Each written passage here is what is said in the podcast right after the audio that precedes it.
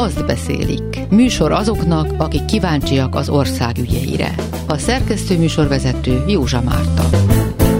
Október 23 előtt nagy kérdés, hogy hol milyen a hangulat. Ez az esemény mindenkit foglalkoztat. Polgár Tóth Tamás a debreciner.hu-tól azt mondja, forró őszt ígérnek az akkumulátorgyárak ellen tiltakozók. Babos Attila a szabadpécs.hu-tól Pankotai Lilivel beszélgetett, akit amúgy újra hallhatunk Budapesten az október 23-i tüntetések egyikén. Bot Péter arról az örömünnepről számol be, amelyet Karikó Katalin immár Nobel-díjasként történő szegedi látogatása okozott. Vej Zoltán az egriszin.hu-tól pedig Eger egy újabb egykori büszkeségének, a szenátorháznak a bezárásáról számol be. Polgár Tóth Tamás a debreciner.hu-tól. Október 23-a előtt azért elég jelentősen hangzik, amikor valaki azt mondja, hogy hát forró ősz várható Debrecenben. Nyilván a leginkább frekventált téma az akkumulátorgyár története most van a terítéken, és a már nagyon sok helyen előforduló Mike Pércsi anyák. Mik a fejlemények? A legfrissebb fejlemény az az, hogy Paplánszló Debreceni polgármester háza előtt tüntettek. Nem csak a Mike Pércsi anyák, hanem az Amnesty International Magyarországgal közösen szervezték ezt az eseményt.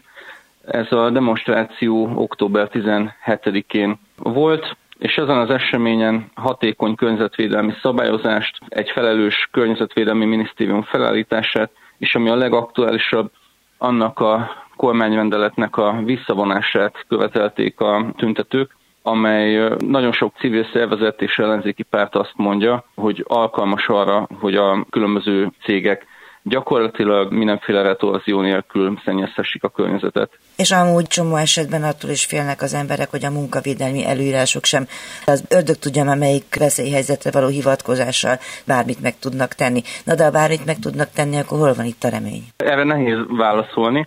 Az biztos, hogy ez a kormányrendelet, amit szeptember 21-én kihirdettek, lehetővé teszi azt, hogy a kormányhivatalok, amik a környezetvédelmi hatóság szerepét látják el, szerződést köthessenek a környezetszennyező cégekkel, ahelyett, hogy megbüntetnék őket, amennyiben környezetszennyezésen kapják őket. Az biztos, hogy ez sok szempontból lehet aggályos. Nagyon sokan úgy fogalmaztak akkor, hogy ez a magyar környezetvédelmek a halál a lényegében, és a Greenpeace pedig kiadott egy közleményt, ami szerintük azt jelenti, hogy ez alaptörvény ellenes. Mit lehet erről tudni, hogy fordultak-e valahova ezügyben netán alkotmánybírósághoz? Azt, hogy a Greenpeace fordult-e alkotmánybírósághoz, azt nem tudom. Az biztos, hogy a pártok közül az LNP és a párbeszéd is bejelentette, hogy alkotmánybírósághoz fog fordulni ebben az ügyben. Nekem egyébként az olyan ironikus, hogy azt mondták, hogy a törvény csak a Dunafer megmentésére vonatkozik. Egyébként nem tudom, hogy miért kell a környezetvédelmi szabályokat kevésbé fontosnak tartani, mint a Dunafert. Ez csak egy plegyka maradt, vagy csak egy lufi maradt, és gyakorlatilag azt jelenti, hogy Mike Pécsen is bármit csinálhatnak. Igen, hát a kormány azt mondja, hogy az a miniszteri utasítás, amit Gulyás Gergely miniszterelnökséget vezető miniszter kiadott, hogy ez alapján akkumulátorgyárak nem köthetnek ilyen szerződést, de erre meg nagyon sokan azt mondják, legutóbb például Siffer Andrásnak a publicisztikáját olvastam erről, de nagyon sok más jogász erről beszél, hogy hiába adták ki ezt a miniszteri utasítást, ez nem jogszabály, egyszerűen nem írhatja felül a kormányrendeletet. A Mike Pércsi Anyák a Környezetért Egyesület azt írja a honlapján, hogy figyeljétek az oldalunkat, hamarosan bejelentést teszünk, készüljetek, forró ősz várható. Tudni erről valamit, mondjuk október 23-a fényében lesz-e ott valami? Nyilván ennek a forró ősznek a nyitánya volt a polgármesterháza előtti tüntetés, azért ilyen nem sűrűn fordul elő, nem csak Debrecenben, hanem más magyarországi városokban sem. És a következő állomás az október 23-án lesz, amikor több civil szervezet közösen fog tüntetni Debrecenben. A Mike anyák mellett az Egységes Diákfront, az AHANG, a debreceniek az akkumulátorgyár ellen Debrecen főterén találkoznak majd, és onnan vonulnak közösen az épülő City akkumulátorgyár területéhez, ahol beszédek is elhangzanak majd. A polgármester reagált egy vakhangot is a ház előtti tüntetésre. Ilyen reakcióval egyelőre még nem találkoztam, viszont a Fidesz-KDNP reagált, és egyes magukat civil szervezeteknek nevező de erősen az önkormányzathoz köthető egyesületek is kiadtak egy közös közleményt, amiben elítélték ezt a demonstrációt. Azt beszélik. Műsor azoknak, akik kíváncsiak az ország ügyeire. Babos Attila Pécsről, a szabadpécs.hu-tól van velünk. Tulajdonképpen két újdonságról beszélgetünk, majd az egyik az, hogy elindult a szabadpécs.hu-nak a podcast sorozata, a másik pedig, hogy így október 23-a elején ejtenünk kell szót arról is, hogy az egyik egyre jelentősebb pécsi közszereplő Pankotai Lili beszédet fog mondani. A podcastunk az elindult már évekkel ezelőtt, de aztán az a kolléga kérte elkezdte, vagy leginkább ő készítette, már nem a lapnál dolgozik, és az elmúlt körülbelül egy évben volt egy olyan koncepció, hogy ezt újra kellene indítani, és egy kicsit át is gondolni, és ez a közelmúltban megtörtént. A címe a podcastunknak helyreigazítás. Pankotai Lilire visszatérve, aki az utolsó, vagy talán utolsó vendégeitek egyike volt, őt most, mintha elveszítette volna Pécs, mert Budapesten hallhatják majd a hallgatók, ahogy csak kimennek a tüntetésre, és hát nyilván mi is foglalkozunk vele, vagy a megemlékezésre. Mi az, amit így ez a Pécs-Budapest Budapest tengely most számára jelent? Meglepően jól van. Azért mondom, hogy meglepően jól van, mert ugye ő nagyjából egy éve, október 23-án lett gyakorlatilag egy csapásra ismert az országban, illetve az azt követő napokban, amikor elkezdtek vele jobbról, balról, középről mindenhonnan foglalkozni a különböző médiumok. Találkozva vele személyesen egyáltalán nem látszott az rajta, hogy bármilyen nyomot hagyott volna rajta lelkileg, mentálisan, bármilyen módon azt nem mondom, hogy mint hogyha még jót is tett volna neki azt, hogy reflektorfénybe került, és nagyon durva esetenként, nagyon durva időnként másféle támadások kérik leginkább a NER, illetve az Orbánista sajtó részéről, de az interjúban elhangzik, én előtte beszéltem édesanyjával, aki a, úgy jellemezte Lilit, és ezt ő is megerősítette, hogy amit a fordítva lenne bekötve. Nem úgy reagál bizonyos dolgokra, ahogyan azt várnánk, vagy ahogy azt nagyon sokan teszik, hanem talán éppen ellenkezőleg. Tehát lehet, hogy valaki a támadások, meg a folyamatos piszkálódások után összehúzná magát, megsértődne, elmenne messzebb, abba hagyná, vagy másféle módon válaszolna, ő pedig inkább az, hogy igazolva érzi azt, hogy amit csinál, az jó. És az be is jött neki, ezt lehet tudni, hogy mi lesz a jövője, még nagyon fiatal. De hát mindenképpen a továbbtanulás a kérdés. Igen, ez egy fontos szempont volt. Nem most kezdtük el ennek a podcastnak a szervezését, hanem már korábban. Két dolog miatt örültem, hogy most került csak adásba. Az egyik az az, hogy bennünk is, meg bennem is fölmerült az, hogy kell-e ilyen jellegű teret biztosítani Lizinek abból a szempontból, hogy mégiscsak egy nagyon fiatal lányról van szó, és hogyha valamilyen kritika vagy felvetés jogos vele kapcsolatban, ez az őt segítők, hogy őt körülvelőkkel kapcsolatban az az, hogy bedobnak a mélyvízbe egy 18 éves lányt. Viszont arra gondoltunk, vagy illetve az igazolta a mi belső beszélgetésünkben azt, hogy igenis ezt meg kell csinálni, hogy azért most nem egy háromnapos csodáról van szó. Tehát ő az elmúlt hetekben, hónapokban, tulajdonképpen az elmúlt évben folyamatosan ott volt, kiállt, ment előre, és vitt egy olyan ügyet, ami nem tudom, hogy ráragadt, de mindenképpen felvállalta ezt a dolgot. Gyakorlatilag szerintem október 23-án tavaly még nem sejtette azt, hogy milyen özönvízszerű változások következnek be az ő életében, és itt nem arra gondolok, ha bár ez is szóba kerül az interjúban, hogy nem tudott leérettségizni, meg hogy iskolát kellett váltania. Kifejezetten cél volt az, hogy a közéleti történéseken keresztül mutassuk egy kicsit be jobban őt, hiszen ez, talán ez, ez elmaradt.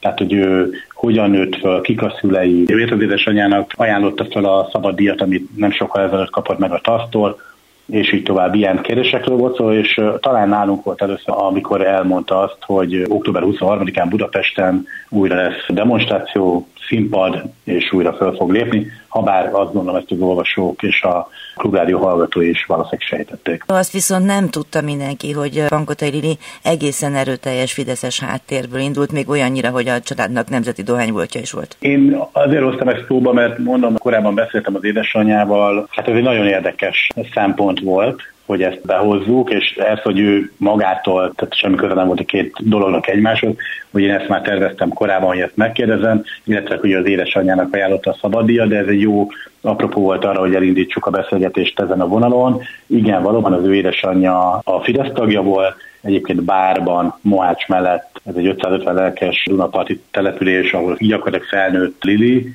később ugye Mohácson éltek, és az édesanyja most is ott él, Pécset volt ugye gimnáziumi diák, ott polgármester is volt az édesanyja, ott működött egy nemzeti dohánybolt, amit az ő családja, az édesanyja vitt és nyert el tulajdonképpen azon a pályázaton.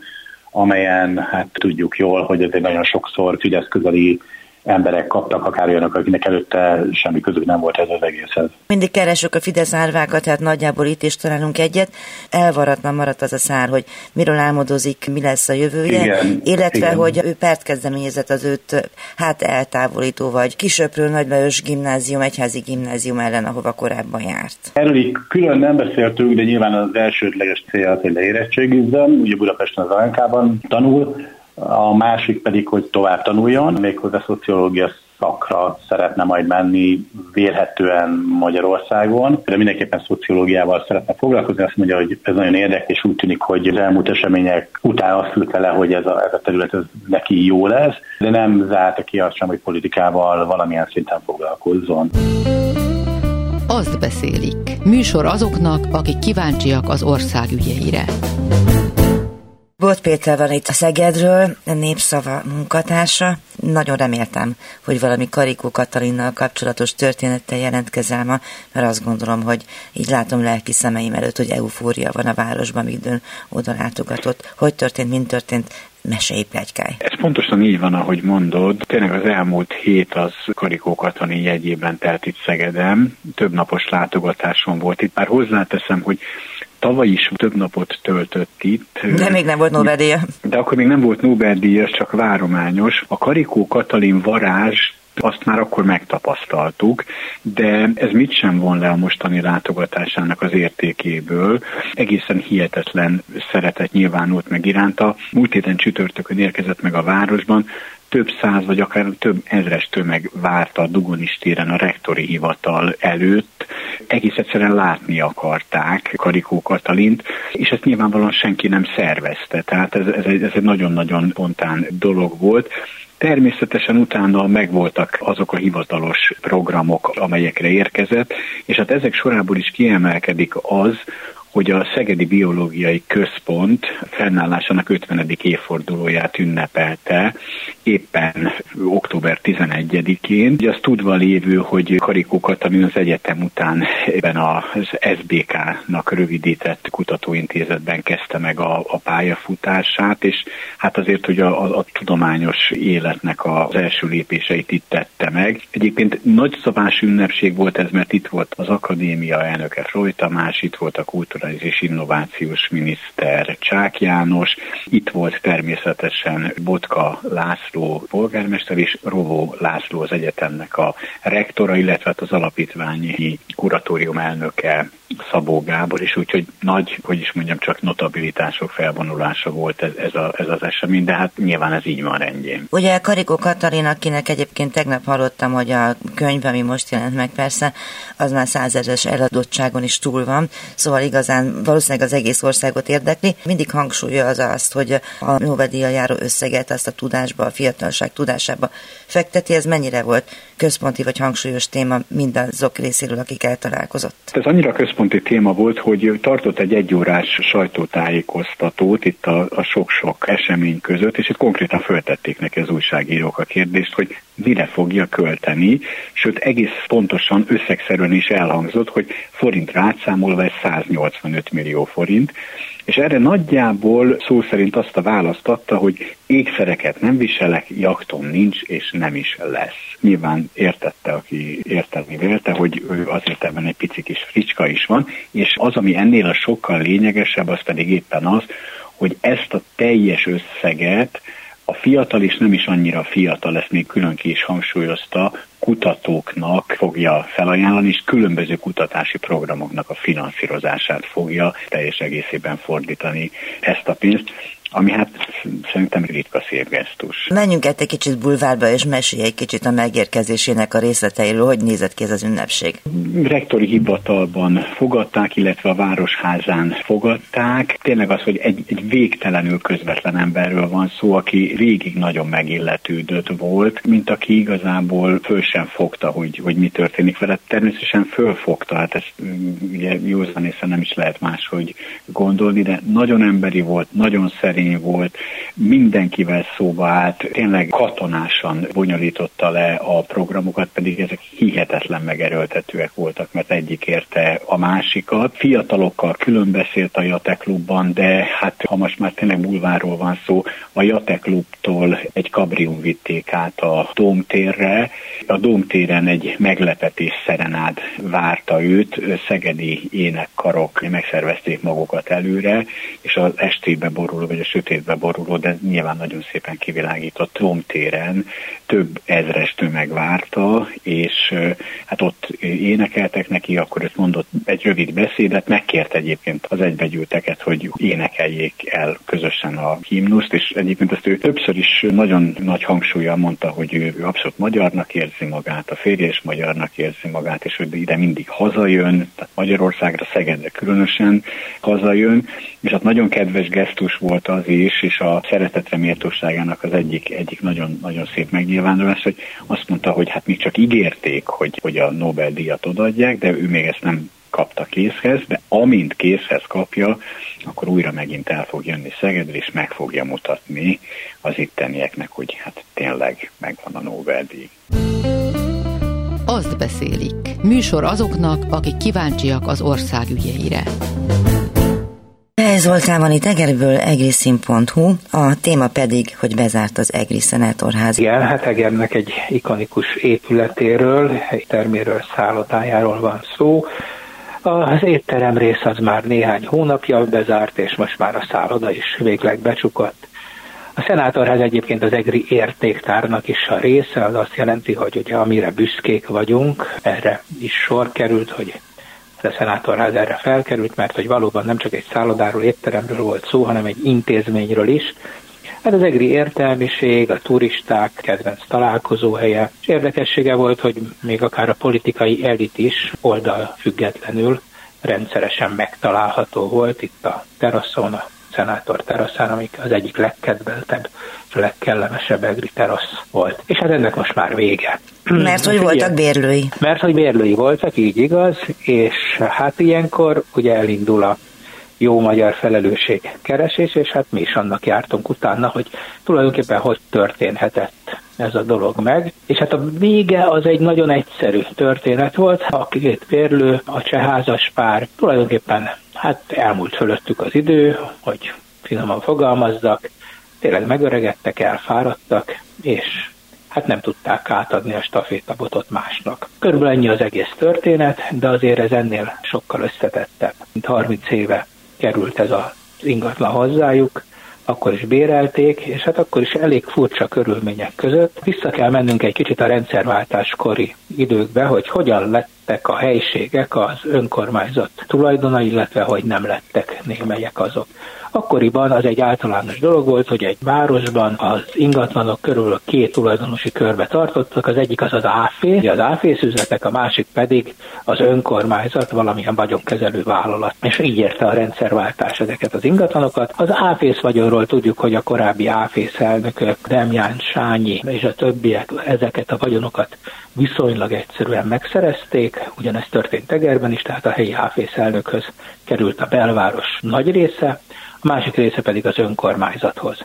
És volt még egy harmadik módja is, amikor a privatizáció során a telek, tehát a földterület az átment az város tulajdonába, de a felépítmény az megmaradt az államnál. Na most ezzel a szenátorházzal is ez történt, ez egy állami épület volt, talán ilyen zeneiskola szerűség működött akkor benne, és 15 millió forintért lehetett megvenni a városnak, mint a telek tulajdonosának elővásárlási joga volt. És akkor ez nagy politikai vitát kavart, hogy minek vegyünk szállodát, szállodának való házat, de hát akkor volt egy olyan váltás Egerben, amikor éppen a pártokat már nagyon utálták, és az úgynevezett lokálpatrióta frakció vette át a hatalmat, és hát ők ezt a 15 millió forintot úgy gondolták, hogy jó, hogyha ha megveszik, és akkor odaadják ennek a házaspárnak, akik hát elismert és szeretett vendéglátó működtetők voltak, és akkor 80 ezer forintos havi bérleti díjért kapták meg. Ez akkor volt, amikor egy butiknak is olyan 150-200 ezer forint volt a bérleti díja. És úgy tűnik, hogy ez a piac idegen és tulajdonképpen kivételezett döntés végül is úgy sült el, hogy nagyon jól, hiszen hihetetlen jó gazdái voltak az épületnek, tényleg mindenki szerette őket, Csöpikét és Bandit, ők Kegernek ikonikus emberei, és, és hát nem, nem, egyszer nem lehet róluk semmiféle rosszat mondani, gyakorlatilag a város identitás képző tényezői lettek, a szenátorházzal együtt. Csak hogy ezzel az ügyjel megakadt az a folyamat, hogy a bolt a boltosé legyen. Ez egyébként nagyon sok helyen megtörtént, már hogy megakadt ugyanez a folyamat, és emiatt a legtöbb helyen persze lepusztultak a boltok, hiszen a boltos az nem érezte sajátjának, nem költött rá a portáljaink elég csúnyák elhanyagoltak. Ennél a háznál nem ez történt, ennél a háznál az történt, hogy a stafétabotot hát nem tudták továbbadni, mert hogy nem volt stafétabot. És most ennek iszza meg tulajdonképpen a város és a turizmus a levét, hogy egy torz tulajdonosi szerkezet, nevezetesen az, hogy városi tulajdonban van ez a ház, ez ugye ellehetetlenítette azt, hogy a korábbi bérlők, kvázi tulajdonosok gondoskodhassanak ennek a jövőjéről. És most az egész város síratja akkor ezek szerint ezt az intézményt? És most az egész város síratja, és hát persze ilyenkor beindulnak a politikai egymásra mutogatások. Hát azért itt két üzletemberről volt szó, tehát ez nem egy jótékonysági intézmény volt. Ők éltek ezzel a nagy népszerűséggel és szeretettel, ami őket körbevette. Ez azt jelenti, hogy megkapták azokat a kedvezményeket, amik ugye egyébként másoknak nem jártak, mindössze azért, mert hogy ők tényleg valamilyen kimakastót alkottak itt a városban, amiért hát sokan úgy gondolták, hogy ez jogosan jár, és akkor most vannak olyanok, akik azt mondták, hogy még ez is kevés volt, voltak, akik azt mondták, hogy de hát mindent megtettünk, és mégsem tudják, mert hogy azért a korral szemben úgy tűnik, hogy a pénz az nem orvosság, és hát még megy egy kis csörte is, de hát egyelőre a ház ott áll bezárva, árulják a berendezést, most felröpkentek ilyen plegykák, hogy talán a várnak adná a város, ami hát teljesen abszurd, mert nem tudom, hogy az Egri várnak, ami ugye most már egy ugyanolyan elrondult beton monstrum, mint a többi úgymond jó szándékkal felújított vár, vajon miért kellene egy szálloda az Egri dobótéren. Szóval most, most megint, megint megy az agyalás, és hát megy a, a gyanakvó gondolkodás, tehát már a gyanakvást alatt azt értem, hogy mindenki a másikról mindenféle rosszat feltételez. Igen, ez úgy látom, hogy egy újabb olyan példája a dolgoknak,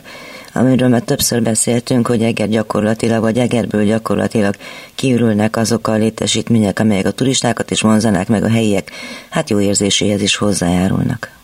Pontosan, pontosan, és mindennek tulajdonképpen, ha megkapargatjuk a gyökerét, akkor az, az a fajta etatista gondolkodás, kvázi provinciális irítség, ami oda vezetett, hogy a boltot a boltos nem tudja megvenni, tehát nincsenek igazi tulajdonok. Ide vezethető egyébként vissza például az, hogy a a lakók mindent elkövetnek, hogy este tízre Eger egy szellemváros legyen, ugye, mert őket zavarja az, hogyha itt eh, mondjuk presszók vagy éttermek működnek hosszabb nyitvatartással, és hát hogyha nem a boltosé a bolt, akkor bizony az önkormányzat inkább a lakóknak, akik egyeben választópolgárok is kedvez, és hát elrendel ilyenkor a bezárásokat, mint tulajdonosa ezeknek az üzleteknek.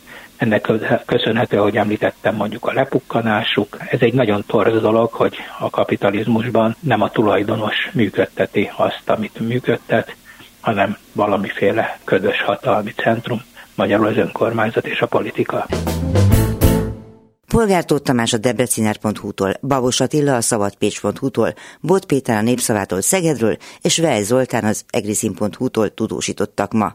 A műsor elkészítésében Lehocki Mírjam szerkesztőtársam segített. Jövő héten is várjuk Önöket. Köszönöm a figyelmet, Józsa Mártát hallották. Azt beszélik című műsorunkat hallották.